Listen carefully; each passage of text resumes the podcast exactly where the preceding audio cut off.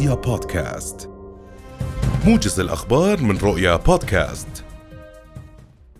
استشهد الشاب محمود السعدي من مخيم جنين متاثرا بإصابته برصاص الاحتلال فيما أصيب خمسة فلسطينيين واعتقل آخر خلال اقتحام قوات الاحتلال للمخيم صباح اليوم.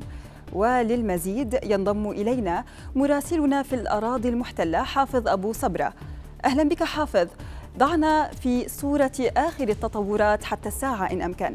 نعم يعني بعد قليل من المفترض أن يبدأ موكب تشييع جثمان الشهيد محمود السعدي في مخيم جنين بعد أن تلقي عائلته نظرة الوداع الأخيرة عليه ومن ثم ستصلى عليه صلاة الجنازة وبعد ذلك إلى مثواه الأخير في مقبرة مخيم جنين ضمن حدود المخيم.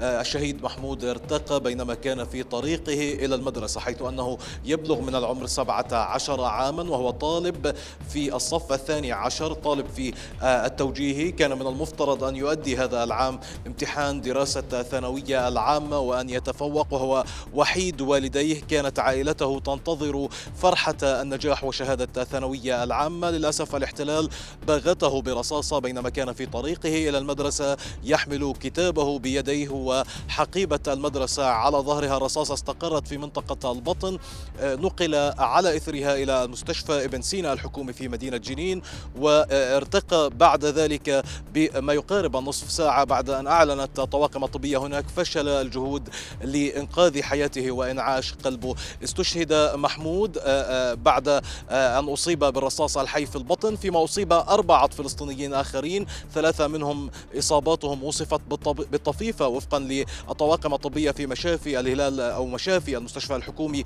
في جنين ومستشفى ابن سينا. أيضا أما الإصابة الرابعة فهي إصابة خطيرة بالرصاص الحي في الصدر ولا زالت تتلقى العلاج في غرف العمليات في مستشفى جنين الحكومي. عدوان الاحتلال استمر ما يقارب الساعة والنصف وطال اعتقال أحد المقاومين المطاردين في مخيم جنين وهو المقاوم الجريح راتب بالي الذي يعني آثر أن يتم اعتقاله على أن يتم قصف منزله فوق رأسه ورأس عائلته كما كانت تهدد قوات الاحتلال التي أحاطت المنزل وقامت بإطلاق القنابل المحمولة على الكتف صوب المنزل لأكثر من مرة. مرة آه، يعني في بداية العدوان بحق المخيم وبعد ذلك حاصرت قوات الاحتلال منزلا آخر فشلت في اعتقال المطارد الآخر الذي كانت تحاصره داخل هذا المنزل بعد أن استطاع الانسحاب بسلام. هذه صورة آه، ما جرى في جنين منذ صبيحة هذا اليوم حتى الآن حيث تستعد المدينة ومخيمها لتشييع جثمان الشهيد محمود نعم، السعدي بعد قليل.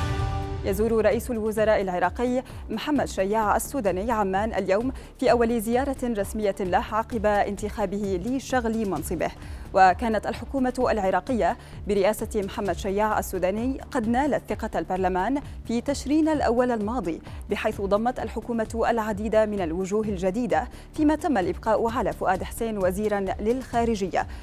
السوداني كان قد أعرب عن تقديره لمواقف الأردن إزاء العراق ودعم أمنه واستقراره ومسيرته وذلك عقب انتخابه لشغل منصبه. يشار إلى أن سلفه مصطفى الكاظمي كان يتمتع بعلاقات وثيقة مع الأردن دخل العراق في سياقها في شراكات استراتيجية ثلاثية إلى جانب المملكة ومصر.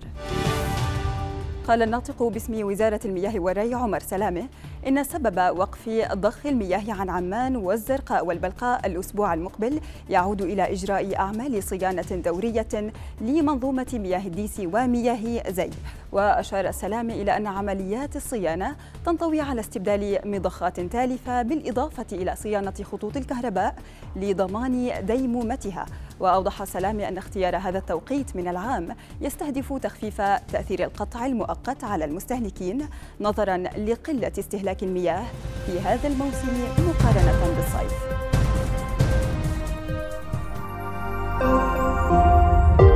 رؤيا بودكاست.